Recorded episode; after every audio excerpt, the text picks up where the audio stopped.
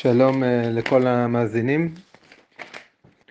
ראשית, אציג את עצמי, שמי אריה מימון, אני מדריך ביחידה להתמכרויות במחוז תל אביב. בשנים האחרונות אנחנו ביחידה עוסקים גם בנושא של אה, התמכרות למסכים. אה, אנחנו לא מתעסקים בכל ההקשרים של גלישה בטוחה וסכנות ברשת, אנחנו ממש מתמקדים בנושא של התמכרות למסכים. הנושא הזה הוא רלוונטי השנה אה, יותר מתמיד בעקבות אה, המצב שאנחנו בעצם אה, שולחים את התלמידים שלנו למסך במשך כל שעות היום ולדבר הזה יש השלכות רציניות ולכן בחרתי להתמקד בנושא הזה היום. אני רוצה להתחיל בשאלה. יש משהו אחד שמוציא אותי מהכלים. ואני מאמין שככה כהורים אנחנו חווים את זה כולנו, אה, ומי יותר ומי פחות, אבל אני מקווה שאתם אה, מזדהים עם התחושה הזאת. למה זה כל כך מעצבן אותנו לראות את הילד שלנו בוהה במסך? אנחנו מכניסים את המסכים לבית, אנחנו רוכשים בשביל הילדים שלנו את, את הסמארטפונים ואת המחשב ואת, וחלקנו גם אה, מכניסים טלוויזיה לבית. למה הדבר הזה מוציא אותנו מהכלים בכל פעם מחדש? ואני אנסה לענות על השאלה הזאת דרך ככה כמה תובנות שאנחנו ננסה ככה להעמיק בהן על עולם המסכים. תובנה ראשונה, התובנה שבעצם המסך זה לא מכשיר, זה לא המכשיר, המסך זאת אה, סביבה. זאת אומרת, זו סביבה שהילד הילד שלנו גדל בה. משל למה הדבר דומה? משל הגפן המפורסם של אה, הכוזרי. ניקח את הגפן הכי משובחת, את הזן הכי מובחר של הענבים, וניקח אה, שתיל, של גפן כזה ונשתול אותו במישור החוף. התוצאה, הגפן, הפירות של הגפן שאנחנו נגדל אותם במישור החוף, לא תהיה אותה תוצאה, לא יעזור מה שלא נעשה, אם אה, ניקח אותה, את אותו שתיל ונשתול אותו ברמת הגולן. כידוע, אוקיי? זה לא איזה, זה מן המפורסמות אה, שכש... הגפן גדל במישור החוף, הוא האוויר שונה והאדמה שונה, הרוחות מהים והקיץ לח וענבים אה, שיגדלו באזור הזה, או לפחות ליין זה לא, זה לא הדבר הכי מובחר שיש.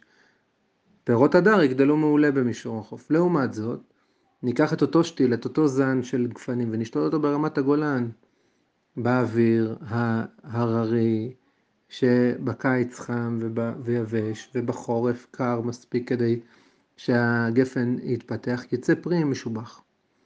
אז כמו שאנחנו מבינים שהסביבה משפיעה על התפתחות של הגפן, באותה מידה הסביבה משפיעה על ההתפתחות של הבן אדם, הסביבה שבה הוא גדל. והסביבה שאנחנו מדברים עליה בהקשר הזה, סביבת המסכים.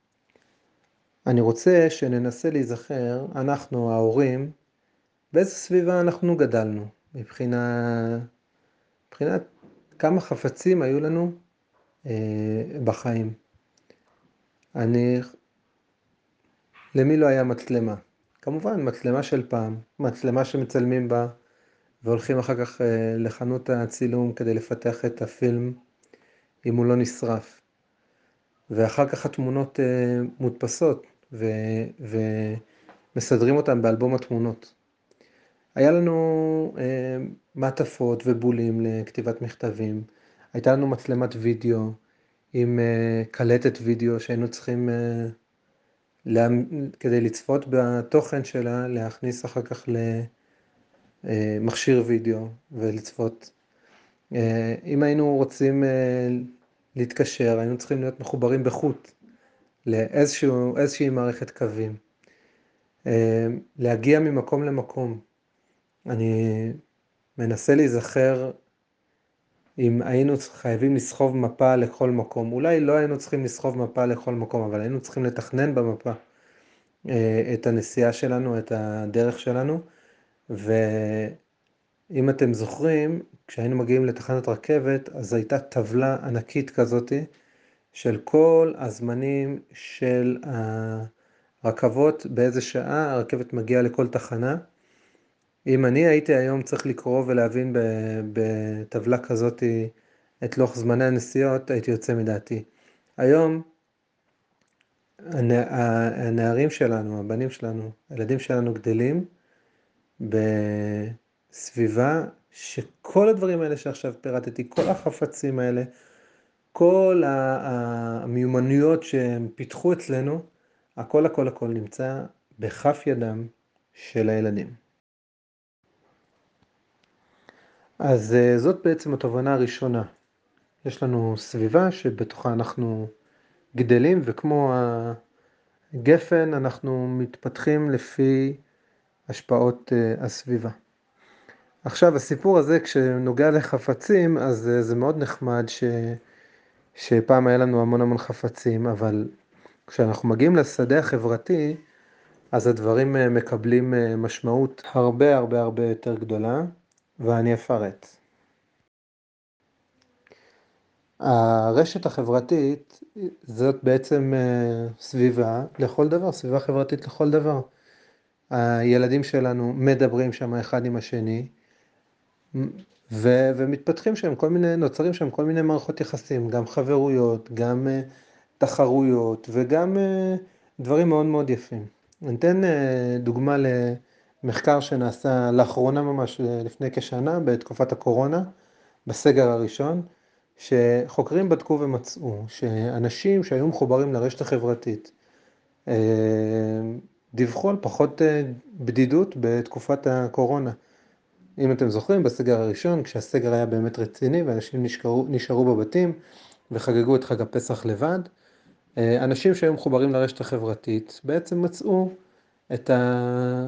קיימו את הצרכים החברתיים שלהם דרך הרשת, והיו, ודיווחו פחות על מצוקה רגשית שכללה בין היתר בדידות, תחושת בדידות ודיכאון. לעומתם אנשים שהיו לא מחוברים, שהיו יותר מנותקים מהרשת החברתית, הם סבלו מהתופעות האלה בצורה נרחבת יותר. טוב, אז אה, לרשת החברתית יש יתרונות, ו... אבל כולנו, כולנו יודעים שהרשת החברתית היא גם רשת שאפשר ליפול לתוכה, והדבר הזה מסוכן וצריך לדעת להיזהר ממנו. אני רוצה להתייחס לנקודה אחת. אני לא הולך לדבר פה על סכנות ברשת, אני רוצה לדבר על האלמנט של ההתמכרות ל... לרשת החברתית. ופה אני רוצה להיכנס למנגנון אה, שנמצא בתוך המוח, מנגנון החיזוק, שבעצם נקרא מעגל הדופמין. חשוב לנו להכיר את המעגל הזה, ותכף נראה איך הוא גם אה, מתבטא בהקשר של רשתות חברתיות. אני אוהב שוקולד. עכשיו, מה, מה זה נקרא שאני אוהב שוקולד? בתוך המוח אה, ישנו מנגנון שבעצם בכל פעם, בגלל שאני אה, שוקולד אה, הוא טעים לי והוא נעים לי בפה, אז כשאני מכניס את השוקולד לפה, או אפילו לפני, כשאני נערך לאכילת שוקולד, כבר בתוך המוח מופרשים חומרים, החומר המרכזי שבהם זה דופמין, והדופמין מספק לי איזושהי תחושה טובה, תחושה של היי, תחושה של רגיעה בתוך המוח. וככה בעצם נוצר איזשהו מעגל. אני עושה איזושהי פעולה, בפעולה הזאת זה אכילת שוקולד כרגע, הפעולה הזאת אה, מייצרת אצלי איזושהי הנאה, במוח מופרש דופמין, הבעיה שהדופמין הוא מתפוגג לאחר זמן, והמוח רוצה עוד פעם את הדופמין, הוא רוצה את הדופמין, ולכן המוח מכוון אותי לעשות שוב את אותה פעולה. הבעיה שבפעם הבאה המוח ירצה יותר, וזה מנגנון חיזוק שהוא גם קשור מאוד מאוד מאוד לכל ההתמכרויות שאנחנו מכירים. זה נכון לאלכוהול, זה נכון לסמים, זה נכון גם לסוכר ולפחמימות, ולפעמים זה נכון גם לגבי התנהגויות אה, חיוביות, עכשיו, המנגנון הזה, מנגנון החיזוק, הוא עובד מאוד מאוד חזק בסיפור של רשתות חברתיות. כולנו מכירים את זה שאנחנו עשינו איזשהו משהו משמעותי או משהו חשוב או משהו יפה עם המשפחה שלנו, ואנחנו רוצים לשתף את החברה, לשתף את האנשים במה שעשינו. אז ניכנס שנייה ל, ל, לפעולה הזאת, אנחנו רוצים לשתף, אז זה מייצר איזושהי עוררות ככה לקראת השיתוף. אנחנו בוחרים את התמונה הנכונה, כותבים את המילים הנכונות. כל הסיפור הזה לוקח מאיתנו המון התעסקות ואנרגיה, אבל יש לו גם תוצאה טובה, שכרו בצידו. ברגע שהדבר הזה עולה לרשת, אנחנו מקבלים המון המון תגובות.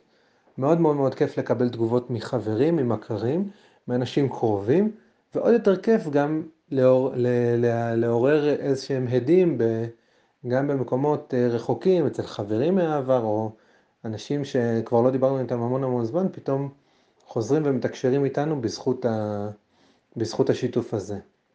השיתוף טוב, התגובות טובות, רמת הדופמין עולה, ואנחנו מרגישים טוב. כעבור כמה זמן, רמת הדופמין יורדת, ואנחנו רוצים שוב להרגיש טוב, שוב להרגיש טוב, אז אנחנו נעלה עוד, נחזור על אותה התנהגות, נחזור על אותה התנהגות ביתר שאת. עכשיו, אנחנו המבוגרים יודעים לווסת את הדבר הזה, או לפחות אני מקווה, כשילד שלא יודע לווסת את הדבר הזה, או כשאין לו עוד עוגנים אה, נוספים, חברתיים, שהוא יכול להישען עליהם, וכשהמוצא היחיד שלו לחיים חברתיים הוא הרשת החברתית, הדבר הזה יכול לגרום לכל מיני עיוותים.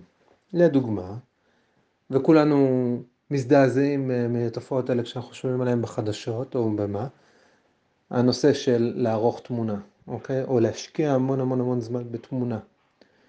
זה כשלעצמו, אז אם זה חד פעמי, לא הייתי, לא הייתי מתרגש, אבל לגדול בתוך uh, המעגל הזה, להיכנס לתוך המעגל, שהחיים החברתיים שלי נמצאים ברשת, וכדי לקבל את תשומת הלב uh, שאני רוצה, אני צריך uh, להתחיל לשלוח עוד ועוד uh, פוסטים, וכל פעם הפוסטים, הרי אם הפוסט יחזור על עצמו, התגובות יישחקו, האנשים לא יגיבו באותה רמת התלהבות לפוסט שהוא חוזר על עצמו. אלא מה? צריך לייצר תוכן חדש ותוכן מעניין, עד כדי סכנות של ממש, וכאן נעצור, כי המנגנון של ההתמכרות הוא, הוא במקומות הקטנים, אה, ואם זה השדה היחיד שיש לילד אה, להתבטא, אז אנחנו בסכנה ש... הסביבה שאנחנו בעצם אה, נמצאים בה, הסביבה שמשפיעה עלינו, היא גם סביבה שבה הכל מהיר וקל של התמכרות. וכאן בעצם התערבבו לנו ערכים עם היעילות היומיומית שלנו. בעצם הרשת מאפשרת לנו חיים הרבה יותר יעילים ונוחים. כמו שדיברנו בהתחלה, כדי לנסוע באוטובוס אני לא צריך להתאמץ יותר מדי, והדבר הזה חוסך מאמץ מיותר. אותו דבר גם לגבי הליכה לבנק, כמה פעמים אני מבקר בבנק באפליקציה לעומת כמה פעמים הייתי מבקר בבנק הפיזי. לבקר במס הכנסה או ביטוח לאומי, להגיש מסמכים, כל הדברים שדרשו מאיתנו בעבר המון המון משאבים, נחסכים מאיתנו, והדבר מייצר לנו פניות מאוד מאוד מאוד גדולה. אבל מעבר לה, להקשר הפרקטי שזה מקל עלינו, יש פה כניסה של ערכים. בדלת האחורית נכנסו לנו ערכים מאוד מאוד מאוד שונים מערכים ואני אתן דוגמה. כשהכל אה, נמצא ברשת, אז ברשת אנחנו, כשאני מחפש משהו ברשת, אז אני מחפש לפי כותרות, לפי מילות מפתח, אה, ואדם שמעלה מידע לרשת, יחפש אה, להיות מעניין וקולע וקצר, כי יודעים שהגלישה באינטרנט היא מאוד אינטואיטיבית, ובדרך כלל אנשים שמחפשים מידע באינטרנט יחפשו אותו אה, בצורה כזאת של גלישה, כלאחר יד, שעליהם אנחנו גדלנו. עכשיו בואו ננסה להיכנס לנעליים של מי שכותב את המידע באינטרנט. אני כותב את המידע ואני צריך להתחרות עם עוד אלפי אנשים בעצם בעולם שכותבים את אותו מידע על אותו נושא. ולכן אני אחפש לקלוע לעיניים של המחפש. אז אני אשתמש במילות מפתח מסוימות ואני אצבע את המידע שאני שם ברשת בצבעים ובתמונות שהכי ימשכו את העין, כי בסוף אני מתחרה על, על העיניים של האנשים. ולכן אני חייב להיות קצר, קולע, בולט, מושך, ו, ו, וזאת המציאות. ובעולם שמנוהל על פי קריטריונים של מהירות ויעילות, התוצאה שמתקבלת זה ערך, שהערך המוביל הוא ערך של שטחיות. וזה בדיוק הפוך מכל מה שאנחנו התחנכנו. כי במקום שבעולם הדיגיטל אנחנו מדברים על מהירות, אז בעולם שאנחנו גדלנו עליו, אנחנו גדלנו על תהליכיות, על הבשלה, על עומק, על עמקות. והעולם הדיגיטלי, עולם האינטרנט, עם כל היעילות שלו ועם כל הרווחים שאנחנו מרוויחים מהמהירות שבו, אנחנו מפסידים בענק לנושא הזה של שטחיות. ועכשיו אני רוצה לחזור לשאלה שפתחנו איתה. אז מה בעצם מעצבן כל כך בסיפור הזה של הילדים שלנו שיושבים מול המסך? זה לא זה שהם כרגע לא שומעים אה, לקולנו או כרגע מתנתקים. זה הרבה הרבה מעבר, כל עולם הערכים של הדבר הזה, של הסמארטפון הזה שנמצא ביד שלהם, הוא סותר, סותר כל כך את מה שאנחנו גדלנו ומה שאנחנו התחנכנו עליו. ואת זה אנחנו רוצים לפתור, את זה אנחנו רוצים לשנות. אבל אה, כידוע לכולנו, צעקות אה, לא יפתרו את הבעיות ואנחנו נצטרך אה, להתמודד. אז אני אגיד כאן בקצרה וממש על קצה המזלג כמה טיפים וכמה דברים שכדאי לעשות. כמובן שכל אחד מאיתנו ימצא את הדרכים הנכונות לביתו. אז דבר ראשון, כמו שאנחנו מדברים על זה, אז לדבר על זה עם הילדים.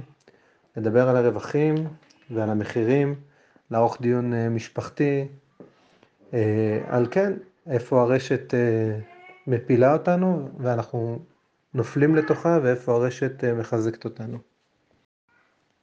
הדבר השני שאפשר לעשות זה לקבוע כללים בבית. אנחנו כל פעם מחדש יכולים לעדכן את הכללים של הבית ולהתאים אותם למצב ולגילאים של הילדים שלנו. כמה זמן אנחנו במסך, כמה זמן אנחנו מקדישים למשפחה, איזה זמן, מתי אנחנו מתנתקים מהמסכים כדי להתחבר ומתי אנחנו מאפשרים את, ה... את השהייה במסכים. דבר נוסף זה הסיפור של נוכחות. אנחנו צריכים להיות נוכחים, להתעניין, מה אתה עושה, מה את עושה עכשיו ברשת, מה את עושה, עם מי את מתכתבת, למי את אה, שלחת את ההודעה הזאת. הנוכחות שלנו, עצם הנוכחות שלנו היא כבר אה, תחבר את הילדים שלנו בחזרה אלינו. חשוב מאוד מאוד מאוד מאוד לתת דוגמה אישית, וזה קשה מאוד בתקופה הזאת, במיוחד בתקופת הקורונה, שכל העבודה שלנו היא דרך המסך ואנחנו מערבבים, אבל להשקיע בזה, לפנות את עצמנו מהמסכים, כדי בעצם לשמש modeling לילדים שלנו. ודבר אחרון, אה, יש לנו כוח כקהילה לקבוע אה, סטנדרטים וכללים חברתיים לגבי השימוש במסך. זה יכול להיות כדוגמה, שעת סיום ההתכתבויות בוואטסאפ לכל כיתה ח'3, כל הורי הכיתה קובעים ביניהם שבשעה 10 כל ההתכתבויות נפסקות. הדבר הזה דורש תיאום של כל ההורים, אבל הוא אפשרי. לסיכום, רציתי בשיחה הזאת להראות ולהשמיע לכם עד כמה עולם המסכים הוא סביבה שמשפיעה על ההתפתחות של הילדים שלנו. המודעות לדברים שדיברנו עליהם ולסכנות שקיימות ולערכים שמנהלים את העולם, עולם הרשת, היא צעד ראשון בעצם בהתייחסות נכונה לתופעות האלה. אני מקווה שהחכמתם, אני מקווה שתקבלו מהשיחה הזאת כלים להתייחסות מחודשת לנושא הזה, לאתגר הגדול של המסכים. בהצלחה לכולנו.